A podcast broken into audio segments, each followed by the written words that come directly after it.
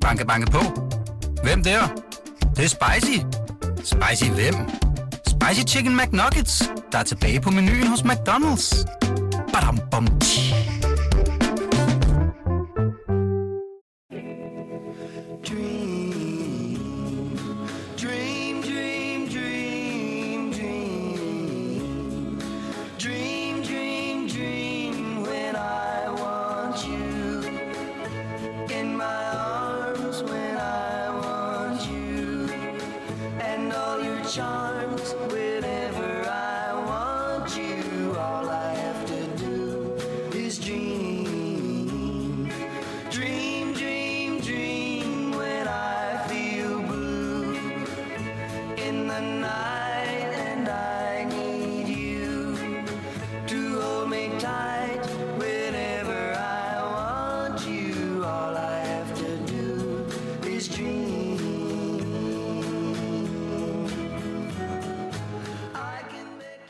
Velkommen til kampagnesporet med David Træs og Mads Fuglede og den, alle, den altid tilstedeværende og ofte ædru Kasper, producer Kasper, øh, som øh, for en gang skyld er samlet med mig her omkring Ja.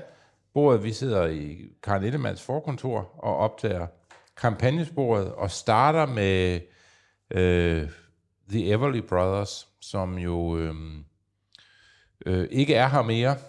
I 2014 døde øh, Phil Everly, øh, og øh, her den anden dag, der, der døde det sidste øh, overlevende medlem af The Everly Brothers, Don Everly, 84 øh, år gammel.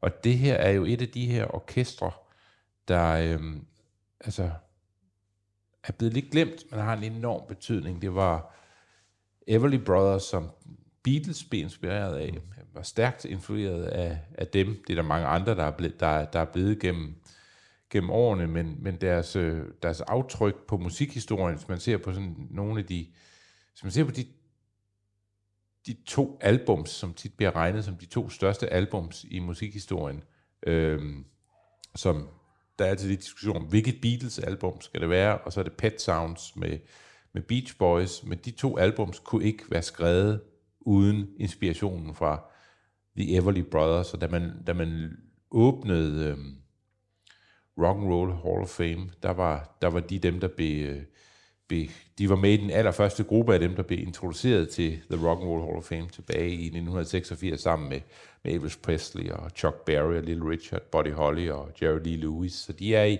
i den der kategori måske ikke helt så husket som de andre, men nogen, der, har, der i den grad har, har sat sig sit aftryk. Og, og jeg ved ikke, om jeg synes, All I Have To Do Is Dream er det bedste nummer, de har lavet, men det er i hvert fald et af de mest ikoniske numre, de, de, Et, de, et, var, af, et, af de, et af de store uh, skænderier i, uh, i Gasolin, uh, Mads, mellem Frans Beckerli og Kim Larsen, det var om Everly Brothers, hvor nogen man skulle se op til eller ikke se op til. Kim Larsen så op til dem, kunne godt lide, man kunne næsten høre det sådan på Kim Larsens senere numre, hvor meget det inspirerede det der, hvorimod Frans Beckerli synes, det var frygteligt, hvad han jo også synes Beatles var. Så, så, så, der, var, der, så der var den der skarpe, skarpe konflikt, og Kim Larsen fortæller mange gange sen, sidenhen, at uh, Everly Brothers var en af hans, sammen med øvrigt den 3-4 af de andre, du lige nævnte i den rækkefølge, uh, der kom der.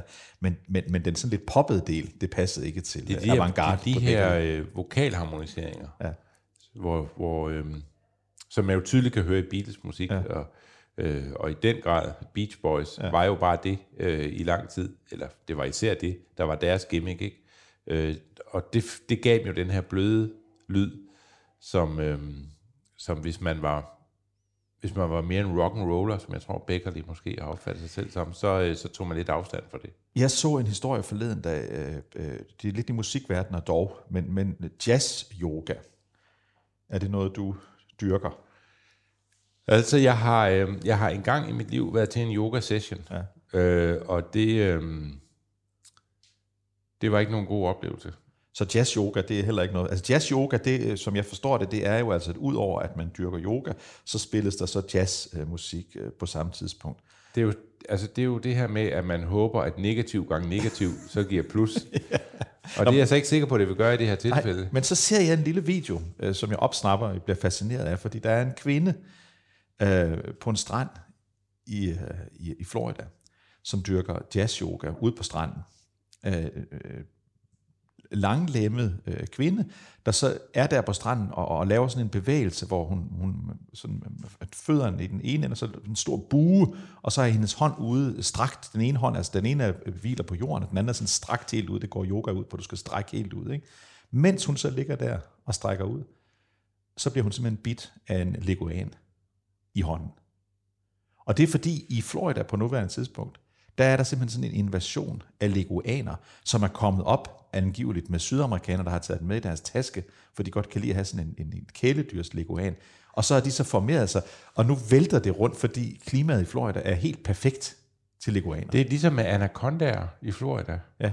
som også er et, et kæmpe problem. De, de er blevet bragt ind, og nu har man en årlig anaconda-jagtdag, Ja og, og man slår dem ned, hvor man kan finde dem. De, de truer simpelthen den lokale balance i The Everglades og alle steder, fordi de, de æder sig igennem faunaen derude, og ingen kan gøre noget ved det. Det er meget, det er meget man skal passe på med nogle invasive dyrearter. Det skal man, og, og, og det man jo også har gjort i Florida, for eksempel, som du rigtig siger med anacondaen, men også med leguanen nu, det er, at øh, fra at det var dyr, man ikke måtte slå ihjel, så er der nu øh, om, omkring leguanen faktisk påbud om, altså ligesom man i Danmark, hvis man er jæger, og man ser et vildsvin, så skal man skyde den, at dræbe den, ikke?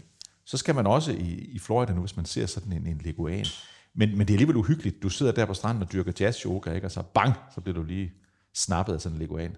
Altså det er jo, jeg har jo tænkt over det her med, at øhm, kan, man, kan man håndtere sådan nogle, altså kan man, kan man få udryddet anacondaen igen? Er det overhovedet muligt at, at komme i mål med, med, med et sådan et projekt? Og der kan jeg huske, at jeg engang læste, øh, at man i, i Kina havde haft sådan en dag, hvor man gerne under mave ville af med rotter, og så sagde man bare, sagde man bare til alle kinesiske, ud og fange fem rotter per mand. Eller, jeg ved ikke, om historien er en anekdote, men ellers så, er der, øh, ellers så falder der brand ned her i kulturrevolutionen, hvis I ikke, hvis I ikke møder op med de her fem rotter. Og at det skulle være lykkes, og have haft det betragteligt øh, effektivt. Det har været meget effektivt at gøre det på den måde. Men sådan er USA jo ikke indrettet, at man bare kan få alle til at... Selvom de, de har våbne Ja, det til har at de. skyde de her leguaner og Ja, anacondaer, ja. eller hvad man nu gør ved dem. Øhm, men jeg er ikke sikker på, at de har øh, øh, samfundssindet til at gå i samme retning. Der vil hurtigt komme nogle øh, pro-leguan-grupper.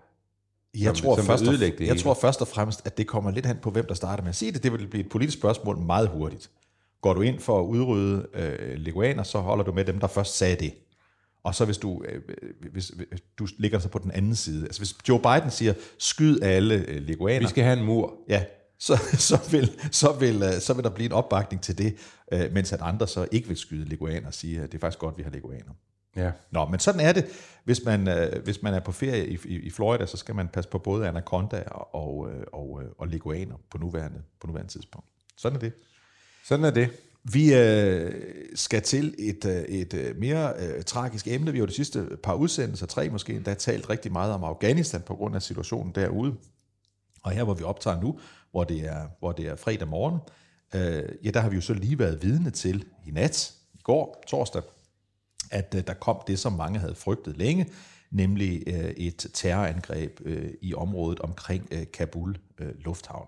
Og vi ved, at det samlede tabstal nærmer sig, eller har rundet 100, heriblandt 13 eller 14 eller 15, det kommer lidt an på, hvilket tal vi ser, amerikanske soldater, som er blevet dræbt under det her terrorangreb. Vi skal lige huske på, at amerikanerne ikke har mistet en soldat i Afghanistan siden februar måned 2020. Øh, Så det her, det er, det er meget voldsomt. Det ser også ud som om, at det er en ISIS-gruppe, der har taget øh, ansvaret for det. Men billederne af, at det her foregår, altså af, at vi har haft alle de kaotiske scener i, i, i Kabul i, i, i et par uger nu, det her, det gør kun situationen værre, og det gør så i vores sammenhæng, Mads, situationen helt vildt øh, problematisk for præsident, øh, præsident Biden. Ja, og bare, ja, det, det, det her, det øh, understreger jo ligesom, øh, hvordan det her er endt med fuldstændig at være en, en ukontrollabel situation for amerikanerne, og at den her tilbagetrækning, hvad enten man synes, det er en god eller dårlig idé, at der er jo ingen, der forestillet sig, at det skulle foregå på den her façon. Og præsidenten er ude at sige, at, øh, at de, der har, de, der har gennemført det her angreb, vi vil ikke glemme jer, vi vil finde jer, og vi vil stille jer til, til regnskab. Underforstået, at det, det bliver nok ikke lige nu, vi gør det, men det kommer på et tidspunkt. Og det ser jo ikke godt ud, at man har øh, været i stand til at være til stede i Afghanistan i nu en lang periode, uden at have tabstal, og så når man begynder at blande sig i det, øh, og ændre på den situation, der har været der, så, øh, så fører det til, at man øh, eksponerer sig selv for angreb, og som jeg læser i amerikanske medier, så regner man ikke med det her det sidste angreb. Så længe sikkerhedssituationen og situationen er, som den er ude i lufthavnen, så vil det være øh, et meget, meget oplagt terrormål. Og, og at det jo for de, der ikke bryder sig om Vesten, så er det sådan set alle de tilstedeværende derude, som man vil synes var meget interessant at, at, at efterstræbe. Og det kan da være, at den her gruppe, der har foretaget terrorangrebet, dog også ønsker at, at, at sætte Taliban i forlegenhed. Det er også en mulighed. Det, det ved vi ikke øh, på nuværende tidspunkt. Det vi ved, det er, ligesom vi har en danskerliste over det antal danskere, der stadigvæk måtte være i for eksempel Afghanistan, så er der også en amerikanerliste. Og, øh, og selvom amerikanerne har fået mange amerikanske statsborgere ud af, af, af, af Afghanistan inden for de sidste par uger, så er der stadigvæk en 1200 til 1500 amerikanere inde i øh, Afghanistan. Så det her, det kan udvikle sig fra slemt til værre. Øh, og præsident, Trump, øh, præsident Biden øh, måtte gå ud i går og tale til nationen, øh, efter at det her terrorangreb var gennemført. Prøv at høre, hvad han, øh, hvad han siger her. These American service members who gave their lives, it's an overused word, but it's totally appropriate here, were heroes. Heroes who've been engaged in a dangerous, selfless mission to save the lives of others. They're a part of an airlift, an evacuation effort unlike any seen in history, with more than 100,000 American citizens American partners, Afghans who helped us, and others taken to safety in the last 11 days. Just in the last 12 hours or so, another 7,000 have gotten out. They're a part of the bravest, most capable, the most selfless military on the face of the earth. Ja, vi fader ud her, fordi øh, det, som der er, er, er Bidens budskab, det er selvfølgelig, at de 13 eller 15, tallene er lidt usikre på nuværende tidspunkt, amerikanere, der faldt under terrorangrebet, de er helte. Men præsident Biden lige nu står måske, eller han står helt sikkert i det øjeblik, der har været hans vanskeligste øjeblik øh, som præsident, det man kalder the darkest hour of his presidency, når man, når man, når man ser det på, på amerikansk. Hans øh, popularitetskurve, talte vi allerede om i sidste uge, øh, var faldet til under 50 procent for første gang, siden han blev præsident. Nu er der kommet en ny måling øh, onsdag i den her uge, eller så var det torsdag, der viste, at han var helt nede på 41 øh, procent. Det her, det er virkelig bad news for Biden. Ja, det er det. Især fordi der er meget andet, som går godt eller nogenlunde. Øh, man har øh, nogenlunde styr på øh, den indrigspolitiske dagsorden. Man kan ikke få det der corona til at gå op, men der er et tryk der, øh, og der er nogen, man kan bebrejde for, øh, at det ikke går, som man har, har planlagt. Det, man gerne vil opnå indrigspolitisk, øh, er, det ser svært ud, men det lever, og det er øh, forandringer i USA og investeringer i USA, som øh, vil gøre, at, øh, at, at, at det vil lave USA om for altid. Øh, det vil være på linje med, med The New Deal øh, i sin tid, eller Great Society, i hvert fald sådan Nancy Pelosi godt kan lide at, mm. at, at tale om det, det man har, øh, har fat i, hvad angår øh, infrastrukturinvesteringer i USA, infrastruktur meget bredt forstået. Så jeg tror, i, i, i Biden-land, der blev alt det her med Afghanistan, det er meget lidt velkomment. Der var meget grund til at have en fornemmelse af, at, øh, at, at, at man politisk set var på vej et sted hen, hvor man kunne være, øh, være ret sikker på, at, at man ville dominere den politiske dagsorden, og man ville placere sig selv i en, en, en meget, meget gunstig situation, også hvad angik hvordan man bliver opfattet. Så kommer Afghanistan, og så kommer der nogle redselsfulde tal for inflationen i USA. Mange priser er ude af kontrol, og det er, er sådan to tog, der sådan, så passerer forbi, mm. øh, sådan uden, næsten uden for synsfelt, og, plus, og så pludselig opdager man, at de er på vej derhen, hvor man, hvor man selv sidder og hygger sig med at, at lave politik. Øh, og lige nu virker øh, Biden i en, som, en, som en usædvanligt presset præsident. Og jeg synes også, man kan mærke på demokrater som sådan, at øh, de synes, det er svært at forsvare det, man er vidne til i øh, Afghanistan. Og, og det, som præsidenten øh, har sagt i hele det her forløb, og han gentog det i nat, da han holdt sin tale til nationen, det er, at øh, jeg vakler ikke. Vi skal være ude den 31. Øh, august. Der bliver ingen forlængelse af den frist. Vi skal ud nu. Så Bidens taktikstrategi her må jo være, jeg skal stå igennem de her uger, som er forfærdelige, og så vil jeg med længden, eller i, i længden blive belønnet for, at jeg fik trukket os ud af den der evighedskrig derude. Det er den gambling, som han sidder med øh, lige nu. Og der er det klart, det terrorangreb, som kom øh, i går, og som amerikansk militær efter, amerikanske efterretningsfolk jo havde forudset. De har sagt, det her det er en stor, det er en stor risiko. Det har været et, øh, et, øh, et, et, et stort problem for ham, som republikanerne selvfølgelig udnytter lige med det samme. Og en af dem, der udnytter det med størst styrke, det er ekspræsident Trump, der udsendte en reklamefilm øh, forleden dag om øh, denne øh, frygtelige præsident Biden, som man kalder surrender in chief, altså den, der giver op øverst opgiveren. Øh, vi prøver lige at, at spille lidt af den, og så skal I altså forestille jer billeder af, af, af Joe Biden, som snubler op ad en trappe og alt det her, og ser meget gammel ud og går i stå. Prøv at høre lidt af den her. America is back. Highest inflation rate in the U.S. at the pump. southern border is collapsing. climb of COVID infections. We amplify our power. We summoned a new strength. This is a recruitment ad. we be embarrassed? Diplomacy is back. Now the Taliban are back. Kabul is not in an im- imminent threat environment. The likelihood there's going to be the Taliban overrunning everything and owning the whole country is highly unlikely. They own the whole country now, the Taliban. The Taliban are now in complete control of Afghanistan. Complete chaos. How did President Biden get this so wrong?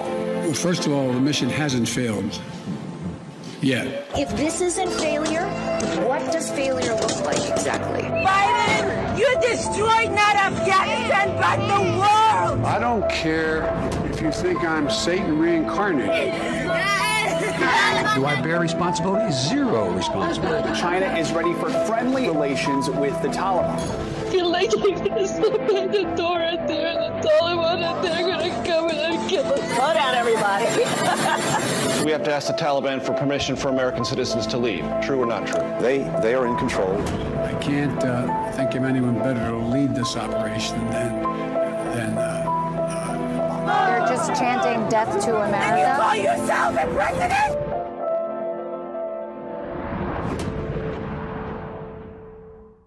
Ja, her øh, opsummeres det hele i en, øh, kan vi godt tillade os at sige, øh, Lettere polemisk tone. lettere polemisk tone, og med et frit, øh, frit øh, sammenklip. af- Ja, man kan sige, at man er, man, altså det er ikke alt det, Biden siger her, der er myndet på det, der så er oplægget til det, han, Altså det, han eksempel, siger. eksempelvis, hvor vi hører en afghansk øh, kvinde sige, øh, Biden, hvad gør du, det er forfærdeligt, og så svarer han, I don't care.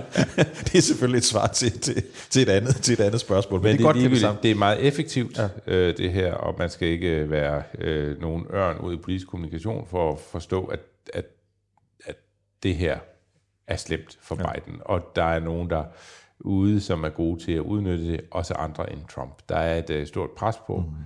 Øh, præsidenten, og vi talte sidste gang om, hvad er det, der, der betyder noget for, øh, for Biden, og jeg vil stadigvæk hævde, at, at amerikanerne vil komme sig over det her, de hader at tabe USA. Mm. Og de er blevet alt, alt for ofte øh, i nyere tid har debatten i USA omkring militære operationer været, at hvorfor vinder vi ikke de her? Mm. Altså sidste gang øh, USA sådan øh, entydigt vandt en militær øh, konflikt ude i, i verden, øh, sådan helt entydigt, det var selvfølgelig under Ronald Reagan, hvor man øh, bragte øh, det forfærdelige styre i Granada øh, tilbage på, øh, på lysets motorvej. Men, øh, men ellers siden da har det jo set svært ud for dem. Den mægtige nation Granada. Den mægtige nation Granada, hvor man, øh, hvor man øh, med en, en hakulisk indsats øh, fik øh, mod alle odds kæmpet, kæmpet kommunismen ned. Men ellers har det været svært, og der har været langt mellem snapsene, og, øh, og, og den her fortælling bryder amerikanerne sig ikke om. Øh, og det, det fylder noget.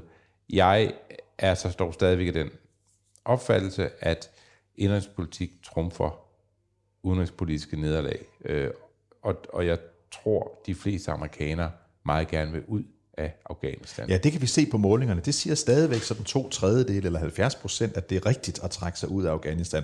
Der er så utilfredshed med præsidentens måde at gøre det på. Men, men, men, men det kan jo, det, det gode for, for, for, for Biden i de tal, det er jo det der med, at tiden arbejder på hans side på et eller andet tidspunkt, så forlader amerikanernes interesse for det her område, altså almindelige amerikaners interesse, og så er man tilbage til, til, øh, til, til, til andre spørgsmål. Men vi skal selvfølgelig holde øje med, om det her fald i populariteten hos præsidenten, det er, er, er, er mere øh, permanent. For ellers har vi jo kunne se, at den der øh, kurve for hans popularitet, den har næsten stået altså fast på lige omkring 52 procent opbakning, hvilket er, er, er vældig godt for en amerikansk præsident, også i, også i historisk sammenhæng.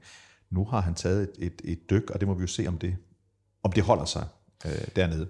Ja, der, der, der, altså, der var en, en, en artikel, øh, jeg læste i, øh, i New York Times, øh, som handlede om, at hvor man ligesom havde opsummeret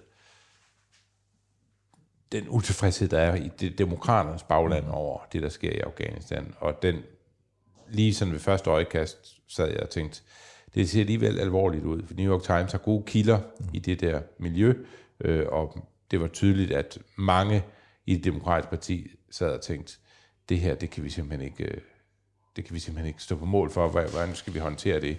Øh, og så alligevel øh, endte jeg med, øh, da jeg havde læst færdigt, at tænke, til næste valg, så vil det ikke være det her, der har, øh, der har været afgørende for, øh, hvordan midtvejsvalget øh, falder ud. Det, det vil være andre faktorer, der vil være dem, vi taler om, at det her bliver også glemt, glemt igen. Øh, og, og der er, selvom der er meget stor bevågenhed omkring det her, og selvom det er forfærdeligt, når USA taber øh, menneskeliv, fordi det, det slår igennem i den amerikanske debat og understreger, at der ikke har været styr på noget som helst. Ja, hjemme i Danmark ser vi også udfaldet af, af, af, af Kabul og Afghanistans kollaps, at det får politiske konsekvenser, som breder sig som ringe vand, også indrigspolitisk. Men der er ikke ret mange konflikter, USA har deltaget i, også hvor det er gået skidt, som har sat sig i vælgerhavet. Øh, sådan et år ude i, i fremtiden, så skal vi op på den store Vietnamklinge og sådan mm. nogle ting, før man, før man, før man, man, man oplever det. Øh, og, og det er Afghanistan bare ikke, også selvom jeg ikke prøver at, og, og skal vi sige, jeg, jeg tager ikke let på Nej. det, der er sket. Det er ikke det, jeg forsøger at sige, men, men der er også en analyse, der hedder, at øh, hvis befolkningen vil ud, øh, og man når det mål, så vil det nok være mere det, man husker, øh, end, at, øh, end at det ikke så øh, kønt ud undervejs, og at det havde nogle tragiske konsekvenser undervejs. Og så skal vi også huske på, når, når, når du siger sammenligning mellem Vietnam og Afghanistan, ja, det er så øh, simpelt, at antallet af amerikanere, som er faldet i Afghanistan-krigen er øh, dramatisk meget lavere end det antal, der faldt øh, i Vietnamkrigen, og det betyder selvfølgelig, at, at, at, alle, at der er ikke så mange amerikanske familier, der, der er påvirket direkte af det, der er foregået i Afghanistan, som de var øh, under Det er jo mere den her fornemmelse af, at man har været til stede i en evighed, man har stillet nogle mål, som man ikke har kunne indfri, og øh, at dem, man øh, kom ind for at, at fjerne fra magten, nu er tilbage ved magten. Der er sådan nogle fortællinger der, som jo bare er... Øh, meget altså, de dårlige, og man vil ikke have ejerskab, og man vil ikke være den præsident, der ligesom, det var så, mens du var ved magten, at det her skete. Men man skal huske, at fornemmelsen af, at man skulle væk derfra, der skulle ske noget andet med Afghanistan, og at det ikke fungerede, er et ansvar, som begge partier deler, og vi har, vi har præsidenter øh, fra, fra begge partier, der har været dybt involveret i Afghanistan-missionen, øh, og, og den er ikke gået, som man havde havde regnet med, og den kommer til at stå som en, en, altså et, et, et, det er et sørgeligt kapitel i amerikansk sikkerhedspolitisk og udenrigspolitisk historie, øhm, men den, den politiske konsekvens af det er blandt vælgerne nok en, der er til overskue. Og så skal vi huske, at, øh, at øh, da Biden trådte til som præsident, der sagde han nogle ord, som europæere virkelig godt kunne lide. Ikke mindst, da han var til NATO-topmøde, EU-møde og G7-møde.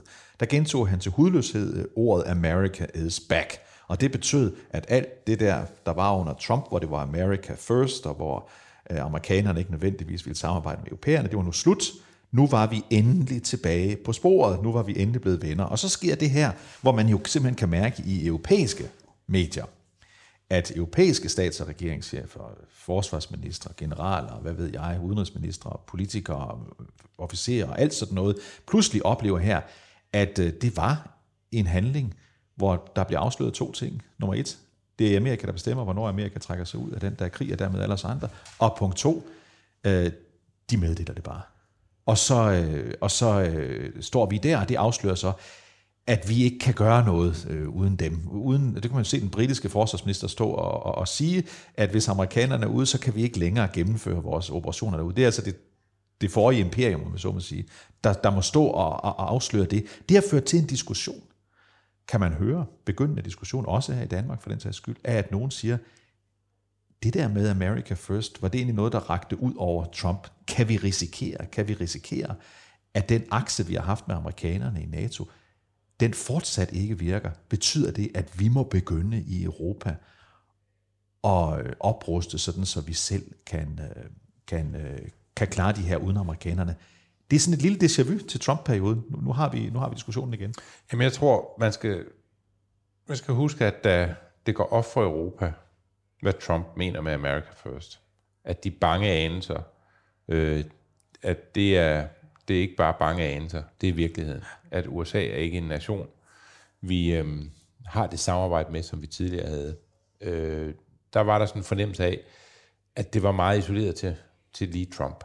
At det stak ikke dybt. Øh, det var ikke noget, man delte i diplomatkorpset. Det var ikke noget, man delte i den amerikanske FN-mission. Det var ikke et synspunkt, man delte, når man støtte på mange amerikanske ambassadører. Ikke den danske inkluderet i det, men ellers og så videre. Og især inde i hele det lag af embedsfolk, der plejer USA's interesser i Europa, især øh, som sådan en karriere embedsmænd, karrierebyråkrater, som man lidt ondskabsfuldt nogle gange kalder dem, men alle dem, der så professionelt mm. er i den her branche, der var der sådan en fornemmelse af, at, øh, at de mente noget andet end deres præsident. Og der var jo nok også en tendens til at sige, at når nu Trump forsvinder, og man får en ny præsident, og den præsident også er god til at sige, at nu sker der noget helt nyt, at så løb man med åbne arme imod den præsident. Og sidste gang vi prøvede det var med Obama, hvor ja. vi løb hen og smed øh, Nobelpriser i hovedet på ham og så ja. videre. Altså han skulle sådan set... Nærmest inden han tiltrådte.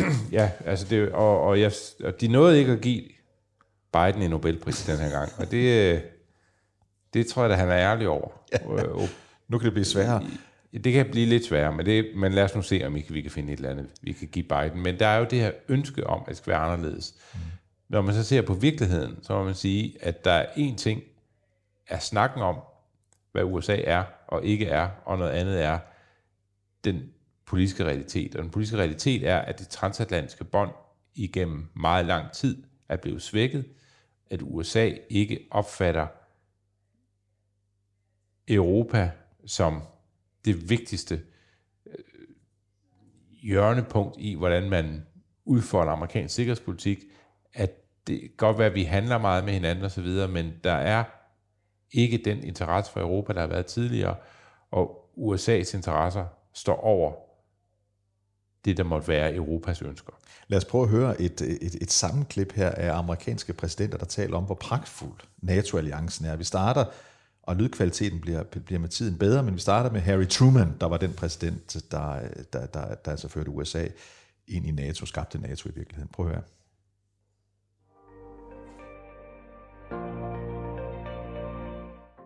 The treaty we are signing here today is evidence of the path they will follow. If there is anything certain today, if there is anything inevitable in the future, It is the will of the people of the world for freedom and for peace.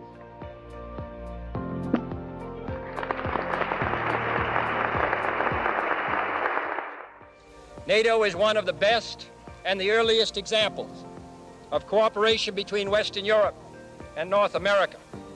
The NATO Defense Treaty pledges us all to the common defense, to regard an attack upon one as an attack upon all, and to respond with all the force at our command.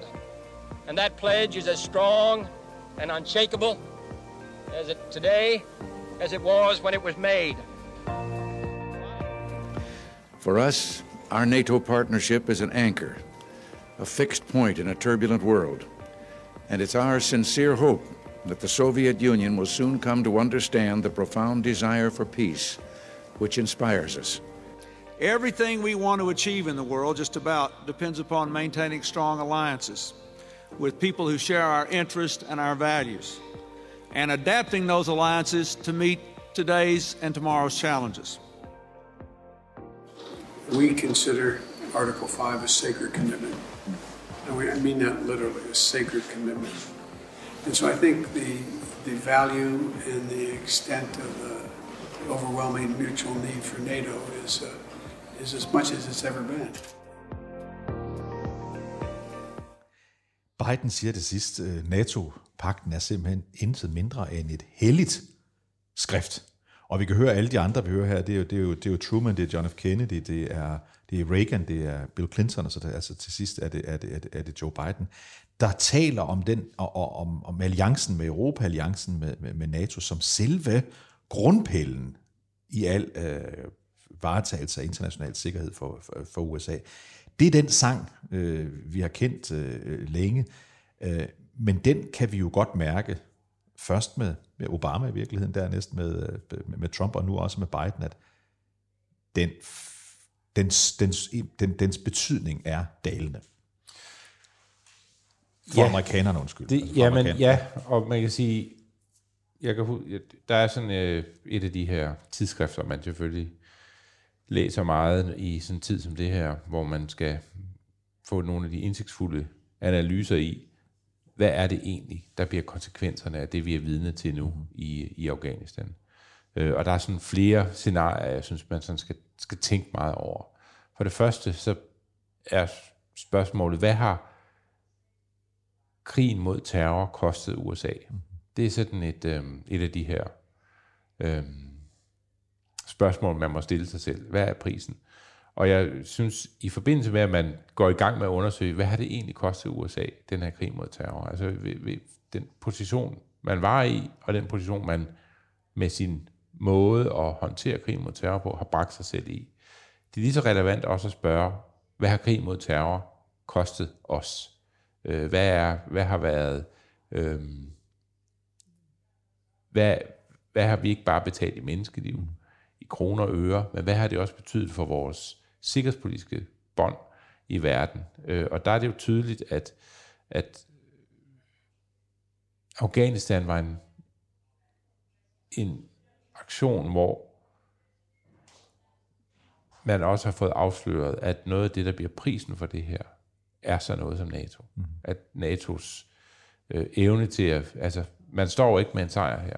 Man, man står med et, øh, et nederlag, man så kan forsøge at man kan pynte livet, men du kan ikke, det er stadigvæk et liv. Og, det, og, og den måde, man håndterer det på, der, så tror jeg også, man kommer til at kigge tilbage på det og sige, at her har vi et kapitel øh, i NATO's historie, hvor NATO-alliancens styrke, de transatlantsbånd, nåede sit svageste punkt. Og måske vil man også se tilbage på det og sige, og det var her, det var tydeligt, at båndet ville briste mm på et tidspunkt. Det er jo sådan en af de her. En anden øh, debat, som er derude, det er, at ja, vi taler om, at Biden har trukket USA ud af Afghanistan, eller er i gang med det, og her om få dage øh, vil være færdig med, med, med den mission. Det vi jo lidt glemmer måske, det er, at øh, det slutter jo ikke der. At det næste, man vil trække sig ud af, det er Syrien sikkert. Mm. Øh, og hvad sker der så? Øh, hvad, hvad, altså, hvad er konsekvenserne af, at man trækker sig ud af Syrien, og hvis man følger lidt med i medierne i den arabiske verden, Så det taler man meget mere om. Mm-hmm. Altså man taler mere om det her med, at, det, at nu er amerikanerne ved at forlade en region, de har været til stede i igennem meget, meget lang tid. Og at det vil få nogle, øh, nogle voldsomme konsekvenser. Og i USA, der er der er selvfølgelig sådan en, en debat, der handler om, hvorfor har vi været ude af stand til at, at, at kunne Øh, at skabe en, en her, der kan stå imod og forsvare det, vi gerne vil have, det skal forsvare. Det er sådan nogle teknikaliteter. Der er også et større strategisk lag, som handler om, at øh, snart vil amerikanerne glemme både Afghanistan og sikkert også Syrien, og så vil man begynde at tale om, om man lykkes med sin inddæmning af Kina. Og alt det, der ligger i det. Og det vil overtage debatten, og der er ikke i den snak ret meget plads til NATO, Europa og andre. De allierede, man bruger til det, er helt andre lande. Det er en helt anden øh, øh, geostrategisk dagsorden, øh, man, man er i gang med der. Og så skal man også se på, selvfølgelig altid som er tilfældet, når man har med USA at gøre, det er, hvad nu hvis vi ingenting havde gjort tilbage i 2001 efter angrebet 11. september på USA? Øh, hvad nu hvis vi ingenting havde gjort? Hvad nu hvis vi havde sagt, jamen det må, øh, vi ved godt, at øh, al-Qaida sidder ude i Afghanistan, vi ved godt, at Taliban er ved magten derude og understøtter og hjælper dem. Hvad ville så have sket? Og det minder mig om et, en forside på, på The Economist, en ikonisk forside fra Economist, som handler om, øh, som handler om Irak-krigen, altså op, optakten til Irak-krigen, men det så godt kunne være optakten til Afghanistan-krigen, hvor man på forsiden skriver, der er et billede af Saddam Hussein, og så skriver man, Saddam if you do, Saddam if you don't. Og det er jo tit USA's, øh, USA's øh, øh, virkelighed i sådan nogle situationer som dem her. USA skulle gøre noget efter 9-11. Det var ikke et alternativ ikke at gøre noget. Og når man gør noget, så kan det risikere at gå galt, og man er også indtil videre den eneste nation, der kan sådan noget. Øh, Europa ville jo ikke kunne have gjort noget alene efter 9-11. Altså hvis der er en artikel, jeg synes, man skal læse øh, i forbindelse med med alt det, vi er vidne til nu. Øh, og der, der er egentlig mange, kunne pege på. Men altså, Daniel Byman skriver en, en, en, en artikel i øh, det tidsskrift, der hedder Foreign Affairs, som hedder The Good Enough Doctrine, mm. øh, som handler om, hvordan lærer vi at leve med terror. Ja, og good enough. Ja, og, og det der sådan er, er Bymans pointe, er at sige, at, øh, øh at lige efter 11. september, der, øh, der var øh, målet selvfølgelig øh, også retorisk sådan en, at, og en, en, en meget idealistisk drøm om en verden, hvor terror ikke kunne gro. At man skal skabe et, et bed, der er så goldt, at du kan ikke så terror i det. Øh, og det bed, det er selvfølgelig øh, velfungerende demokrati og så videre, og, og hele den her forestilling. Øh, og undervejs, så indser man så, at det bliver svært at, at nå det mål og man øh, går så over til en strategi, der handler om, i stedet for at tale om en verden uden terrorister, så tale om, hvordan, hvordan svækker vi muligheden for øh, islamistisk terror? Hvordan får vi den, øh, det, hvordan får det gjort det så svært for dem at være aktør derude? Altså væk af forestillingen om, at man kan udrydde det, og væk af forestillingen om, at man kan øh, skabe noget, der, der, der, der skygger for, at de overhovedet kan gro og så videre. I stedet er der kommet sådan meget pragmatisk øh, øh good enough. Altså, det her, det er godt nok. Der er ikke mere terror, end vi kan håndtere det. det er, vi må leve med, at der vil være, øh, som bare man nok vil ikke skriver, men nok vil mene, at vi må leve med, at der vil være øh, safe havens mm. for dem, hister her. Vi kan ikke, der, vi kan ikke invadere alle steder i verden, hvor, øh, hvor, hvor de kan være, men vi kan gøre de her safe havens til steder, hvor de øh, alligevel har svært ved at, at, at agere ud fra. Det og så, synes jeg, man skal gå ind og læse den artikel, fordi den er, den, den er jo sådan et, øh, et, et forsøg på at nå en anden form for øh, tilstand, hvor man siger, jamen nu har vi prøvet noget, noget virkede, og noget virkede slet ikke. Og det interessante ved det, det er jo, at derved kommer amerikansk tankegang jo til at minde om europæisk tankegang, fordi det var længe amerikansk tankegang, at går man ind i en krig, starter med noget, så er det for at vinde. så er det ikke for at lave det godt nok, så det er ikke for at få skabt en situation, hvor der sådan er nogenlunde stabilitet og ro på. Øh, vi ved det fra analogien mellem amerikanske sportsgrene og europæiske sportsgrene. Europæiske sportsgrene, der kan man spille uafgjort i, i dem alle sammen. Det er en option, at man spiller uafgjort. Mange europæere kan godt lide en kamp end uafgjort. Hvorimod amerikanske sportsgrene altid har haft en vinder. Man kan ikke spille uafgjort, undtagen nogle ganske få øh, tilfælde, men man skal vinde, og det ligger jo der. Vi vinder, når vi går ind i noget. Nu skal amerikanerne vende sig til, at vi måske spiller uafgjort i bedste fald. Øh, Taber endda nogle gange. Det er en, en, en virkelighed, vi agerer i. Men altså, vi skal lige skifte spor her til allersidst, øh, nemlig til coronasituationen i USA. Her var præsident Trump forleden dag udsat for en interessant oplevelse, fordi under et af hans talrige rallies, der nævner han, at han synes, at amerikanerne skal få en vaccine. Og der bliver han faktisk buet af. Prøv at høre recommend take the vaccines. I did it. It's good. Take the vaccines. But you got no. That's okay. That's all right. You got your freedoms. But I happen to take the vaccine. If it doesn't work, you'll be the first to know. Okay. Ja, der sker simpelthen det, at, at Trump er gået ind på det spor, hvor han faktisk begynder at anbefale folk at få vaccinen. Og så bliver han buet af, og så skynder han sig som den dygtige jagttager af rummet og siger, okay, I må også selv om det. Der er, der, er, der er frihed, og hvis den ikke virker, så skal jeg nok fortælle jer lige med det samme, øh, hvis den ikke virker. Men altså, her kan vi også mærke, at, at selv Trump er presset af den her situation, og, og, og, og det er jo blandt andet, fordi Trump jo i dag bor i Florida, øh, som ja. er øh, øh, nu som igen, kedelige rekorder. Nu igen er udsat for, for, for, for kedelige rekorder. Og en af de øh, typer, som kan udfordre Donald Trump, eller som man kunne forestille sig kunne blive præsidentkandidat, hvis Trump ikke vil være det, det er guvernøren dernede, øh, Rick DeSantis, øh, republikaner selv sagt. Øh, han var ude i et, et kort klip her og, og give skylden på det hele til, øh, til Biden. Prøv at høre det klip her. You know, he said he was going to end COVID. Um, he hasn't done that.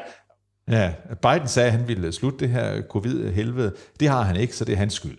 Andre siger, ah, kammerat, der er lidt, Santis, der er lidt der, flere kapitler i den fortælling. flere kapitler i den fortælling, ikke? Og der er, øhm, der er jo selvfølgelig det kapitel, at man har en præsident Trump, der... For det første er det rigtig underligt at høre Trump, der var syg af corona, ja. stå og sige, jeg fik vaccinen, den virkede. Ja. Det, er jo, det er jo simpelthen ikke rigtigt. Øh, sådan, Rækkefølgen det, er ikke rigtig. Nej, og det var ikke, han er ikke, og en vaccine er ikke noget, der kurerer en. Nej. Altså det er jo sådan, det er ja. noget, der forhindrer dig i at blive syg af noget. Ja.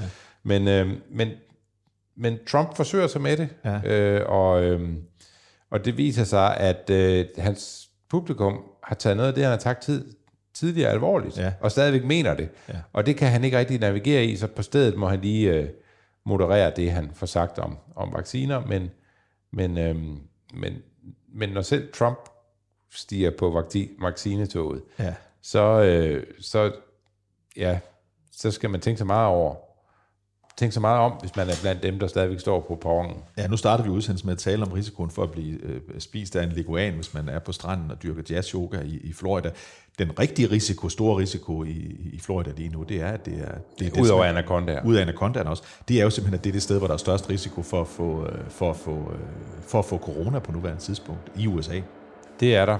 Og, øh, og en af risikoerne ved at optage på Christiansborg for tiden er, at, øh, at der er håndværkere, der bor i alle vægge, og det det, det, vi havde det der i, i baggrunden her. Det er ikke, fordi vi har David igennem fået link fra, fra Kabul, men, øh, men altså, det er, det er skal også vi, herhjemme, vi har de udfordringer. Skal vi ikke sige nu her, at vi får de udfordringer med, med, med det lyder som om vi er til, til tandlægen, at, at vi runder denne uges udgave af af kampagnesporet af. Øh, Kasper har holdt sig vågen under hele udsendelsen, og, og Mads øh, Fugled og jeg, David Træs, vi siger tak, og vi er tilbage igen næste uge.